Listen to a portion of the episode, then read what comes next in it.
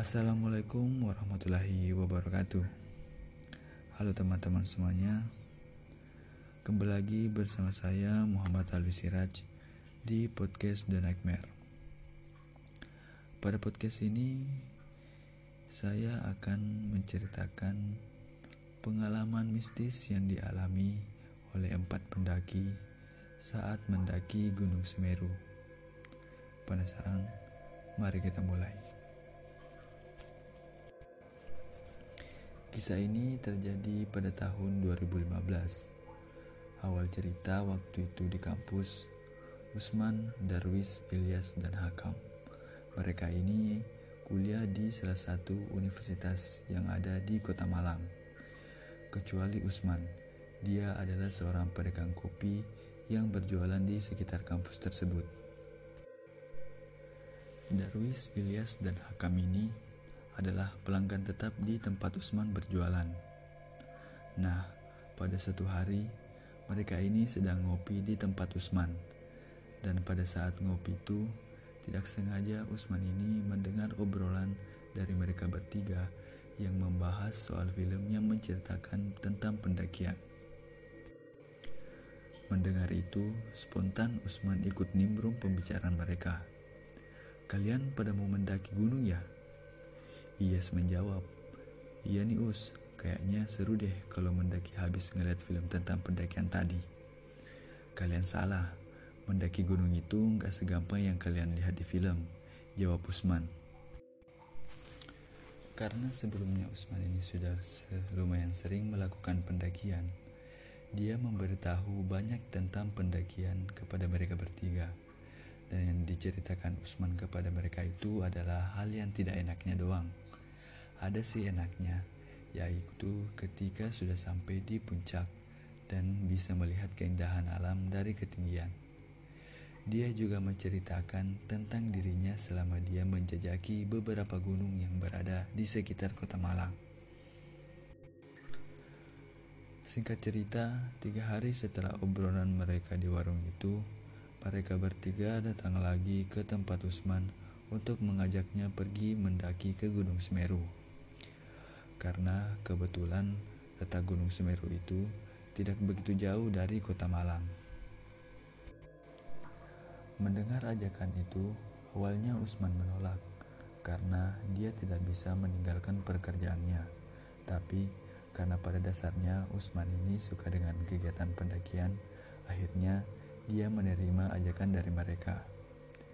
Di sisi lain, Usman juga tidak tega kalau mereka harus mendaki ke Gunung Semeru sendirian karena mengingat mereka ini masih dibilang pemula. Usman menyarankan pada mereka untuk menyewa peralatan mendaki ke tempat penyewaan alat outdoor, mulai dari sleeping bag, matras, dan lain-lain. Untuk tenda dan peralatan masak, kebetulan Usman sudah punya sendiri, jadi tidak perlu menyewa. Usman juga menyarankan pada mereka agar melakukan lari kecil satu minggu sebelum hari keberangkatan. Sebelum hari keberangkatan, sering kali Usman bertanya kepada mereka ketika ngopi, "Gimana persiapan? Udah pada lari-lari kecil kan?" "Tenang aja, setiap pagi udah jogging kok," jawab mereka sambil bergurau. Singkat cerita, satu minggu kemudian, mereka akan berangkat. Mereka berkumpul di rumah Usman yang kebetulan tidak jauh dari tempat dia berjualan kopi. Setelah semua sudah berkumpul, mereka berangkat dengan menggunakan motor menuju ke basecamp pendakian Gunung Semeru yang berada di Desa Renupani pada siang hari. Mereka berangkat menggunakan dua motor setelah menempuh kurang lebih satu setengah jam perjalanan, sampailah mereka di desa tersebut. Sesampainya di situ, Usman meminta mereka untuk pergi ke sebuah warung kopi. Sementara Usman, dia pergi ke pos untuk melakukan registrasi. Setelah selesai dengan itu, Usman pergi ke warung tempat Darwis, Ilyas, dan Hakam yang sedang ngopi. Setelah selesai ngopi, mereka melakukan briefing singkat dengan para petugas Taman Nasional Bromo Tengger Semeru. Petugas itu memberikan beberapa informasi tentang tentang medan yang akan mereka tempuh mulai dari base camp hingga mereka sampai ke puncak Mahameru.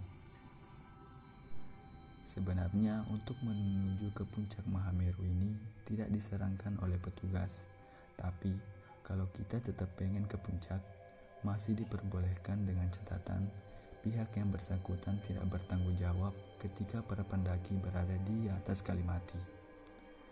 Kalimati adalah sebuah area camp terakhir yang terdapat di jalur pendakian Gunung Semeru.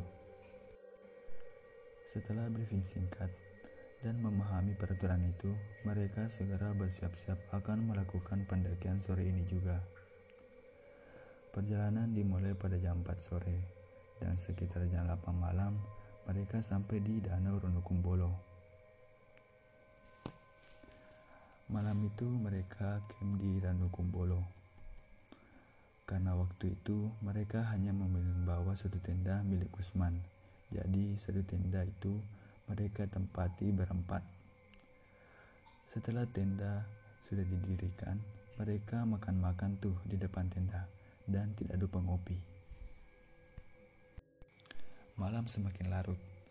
Karena malam itu suhu di Ranukumbolo sangat dingin, mereka memutuskan untuk masuk ke dalam tenda dan istirahat. Sebelum masuk ke dalam tenda, Usman memasang penerangan dan diletakkan dekat tendanya. Dia selalu begitu kalau melakukan pendakian dengan tujuan kalau ada hewan buas atau yang lainnya mendekat, bayangannya akan terlihat dari dalam tenda.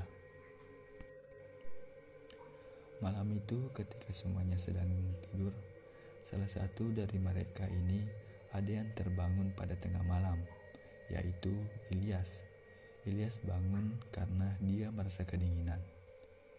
Nah, ketika bangun itu, dari dalam tenda, Ilyas melihat ada bayangan hitam yang berjalan di dekat tendanya. Bayangan itu terlihat seperti bayangan orang yang berjalan di sebelah kanan tenda mereka. Melihat itu, Ilyas mengabaikannya dan menganggap itu adalah pendaki lain yang sengaja lewat. Pertama, bayangan itu berjalan dari depan tenda ke belakang.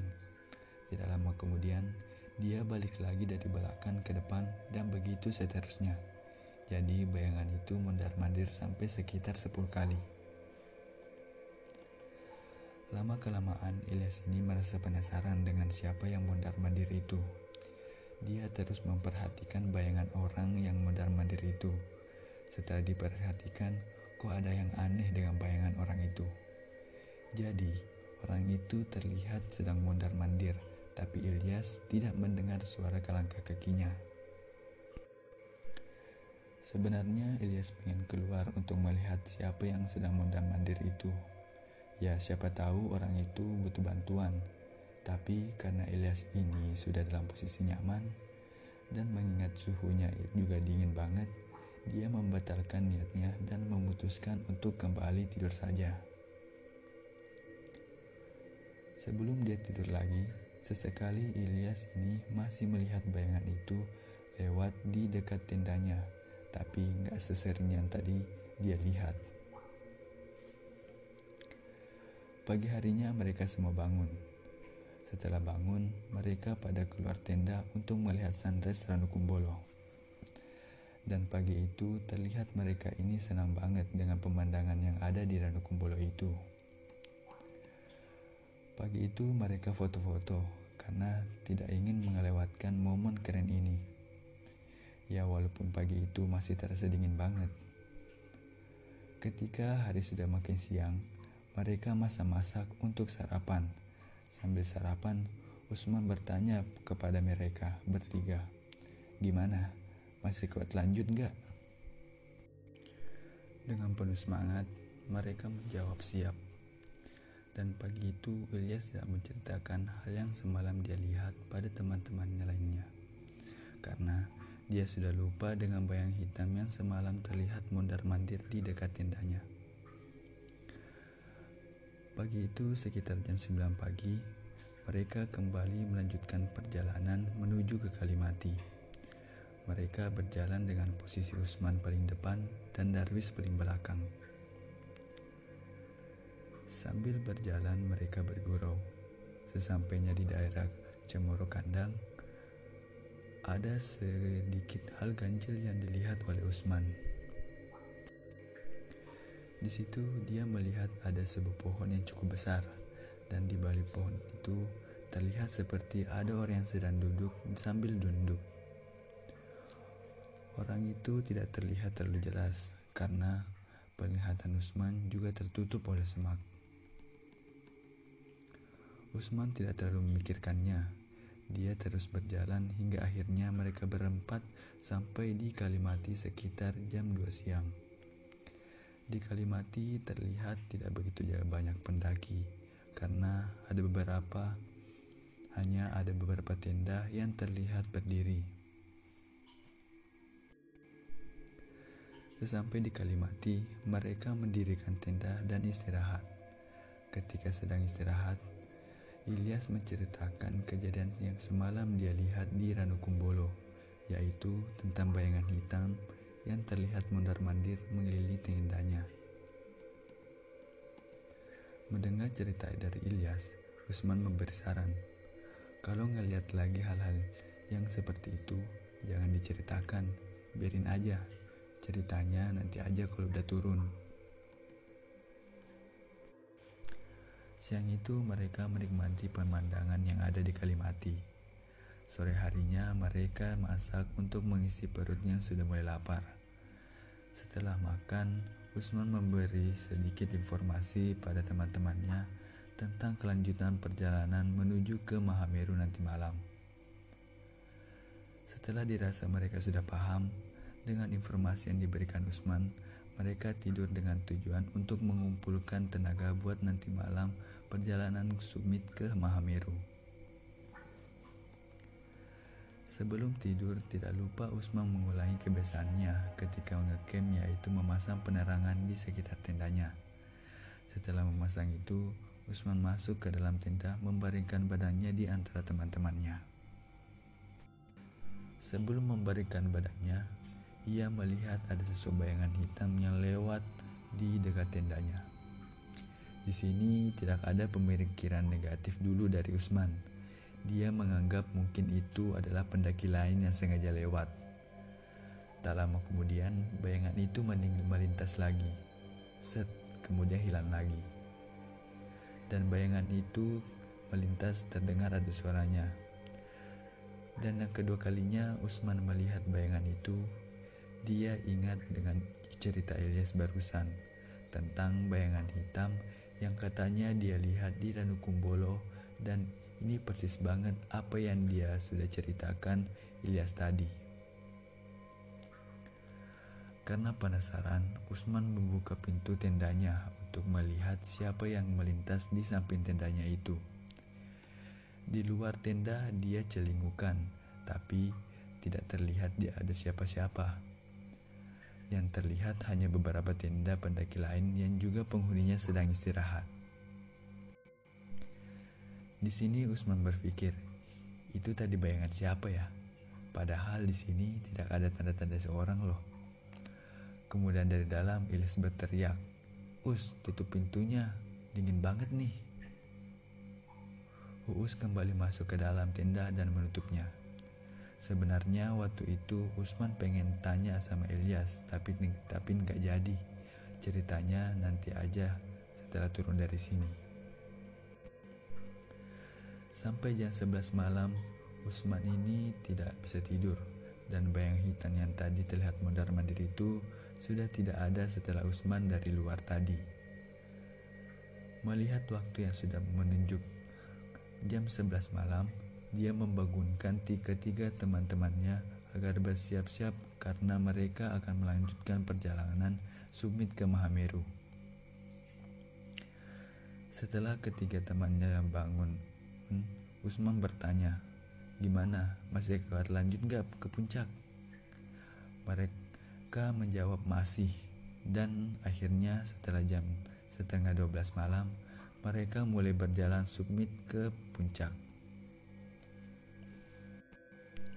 Beruntungnya perjalanan mereka submit ini tidak ada kendala sama sekali hingga akhirnya mereka sampai ke puncak tepat ketika matahari betul baru terbit. Ya walaupun beberapa kali mereka break di tengah-tengah perjalanan. Di puncak mereka berdokumentasi dan setelah puas berdokumentasi, mereka kembali turun dan tidak ada kendala apa pun hingga sampai kembali ke Kalimati.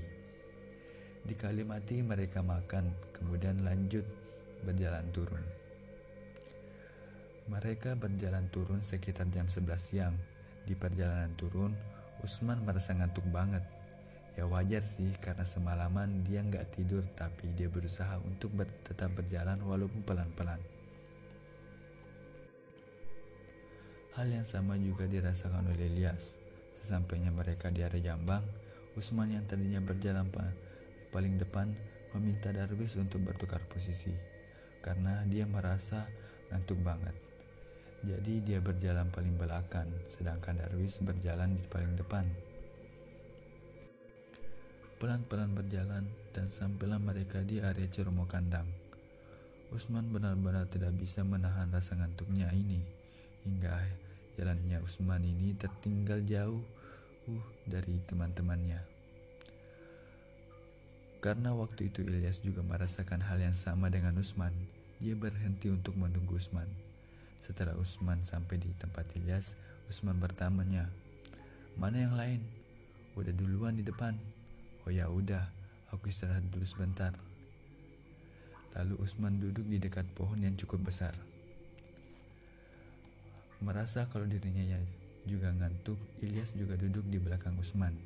Dia duduk bersandar di pohon besar tersebut hingga akhirnya mereka berdua tertidur. Tidak lama tidur, Usman ini tiba-tiba terbangun karena merasa kalau posisi ini ini tidak terlalu nyaman. Dia bangun Nah, pas Usman ini bangun, terasa kalau matanya ini panas banget dan tidak bisa melihat jelas. Jadi kayak remah-remah gitu. Karena masih keadaan dalam ngantuk, Usman cuek aja. Ya mereka Tidak lama tidur, Usman ini tiba-tiba terbangun karena merasa kalau posisinya ini kurang nyaman. Dia bangun, nah pas Usman ini bangun, terasa kalau matanya ini panas banget dan dia tidak bisa melihat jelas. Jadi kayak remah-remah gitu. Karena masih dalam keadaan ngantuk, Usman cuek aja. Ya mungkin kada, karena efek dia masih ngantuk.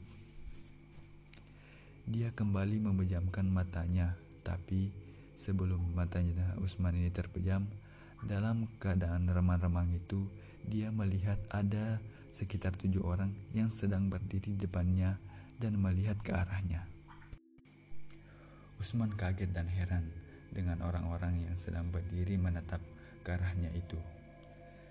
Dia menatap balik satu persatu orang itu, dan ketika diperhatikan, orang-orang itu perlahan mendekat. Setelah sudah mendekat, Usman dibuat shock karena orang-orang itu mempunyai wajah yang aneh. Ada yang matanya lebar dan melotot, ada yang punya tanduk, dan ada juga yang mempunyai taring. Melihat orang-orang itu, Usman tercengang dan gemetaran. Dia tetap menatap satu persatu orang itu dan semakin mendekat.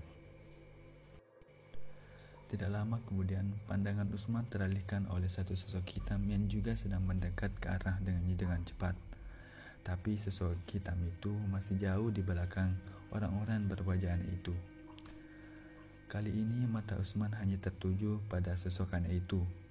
Sosok itu semakin dekat dan akan menabrak Usman. Karena merasa akan ditabrak, spontan Usman menghindar tuh sambil merem. Dan sosok hitam itu akhirnya menabrak Ilyas yang waktu itu tidur di belakangnya. Setelah ditabrak, spontan Ilyas batu-batu dan memegangi dadanya. Orang-orang aneh yang tadinya terlihat ada di sekeliling Usman, tiba-tiba sudah tidak terlihat, alias menghilang, dan pandangan Usman yang tadi remang-remang itu juga sudah kembali normal. Melihat Ilyas yang sedang merasa kesakitan, Usman sedang segera memberi pertolongan dan bertanya, Yas kenapa? Sambil memegangi dadanya, dia menjawab, kayaknya ada yang memukul dada aku barusan. Usman yang tahu dengan kejadian itu memilih untuk tidak menceritakannya dulu pada Ilyas. Dia membantu Ilyas agar untuk berdiri dan meninggalkan tempat itu. Pelan-pelan mereka berjalan dan beranjak pergi dari tempat itu. Sambil berjalan itu, Ilyas bertanya pada Usman, Us, kamu tadi yang mukul dadaku? Bukan, nanti aja aku ceritain kalau udah sampai di bawah, jawab Usman. Perlahan rasa sakit yang dirasakan Ilyas ini sudah pulih dan mereka bertemu dengan Darwis dan Hakam tepat ketika mereka akan keluar dari hutan Cemoro Kandang ini. Mereka sudah menunggu kedatangan Usman dan Ilyas di situ. Tanpa menceritakan apa pun, Usman mengajak mereka untuk melanjut berjalan. Sesampainya di Ranu Kumbolo, Darwis mengajak mereka untuk break dulu karena capek. Sambil istirahat di Ranu Kumbolo, Usman mendiri memikirkan kejadian yang tadi dilihat di Cemoro Kandang. Mereka tadi itu siapa ya? Apa itu yang dinamakan makhluk lain? Setelah cukup beristirahat di Ranukumbolo, mereka kembali turun dan syukurlah selamat perjalanan turun di Ranupani. Mereka tidak ada kendala apa pun sampai mereka di Ranupani dengan selamat. Sampai di Renupani, mereka pulang. Beberapa hari setelah pendakian itu, Ilyas, Darwis, dan Hakam kembali ngopi di tempat Usman dan pada, si, dan pada saat itu Usman baru menceritakan tentang apa yang dilihat waktu pendakian itu, termasuk sosok hitam yang menabrak Ilyas hingga dia merasa kesakitan di bagian dadanya. Tamat. Itulah tadi cerita pengalaman mistis yang dialami oleh keempat pendaki itu. Mungkin itu saja yang bisa saya ceritakan. Sekian, Assalamualaikum warahmatullahi wabarakatuh.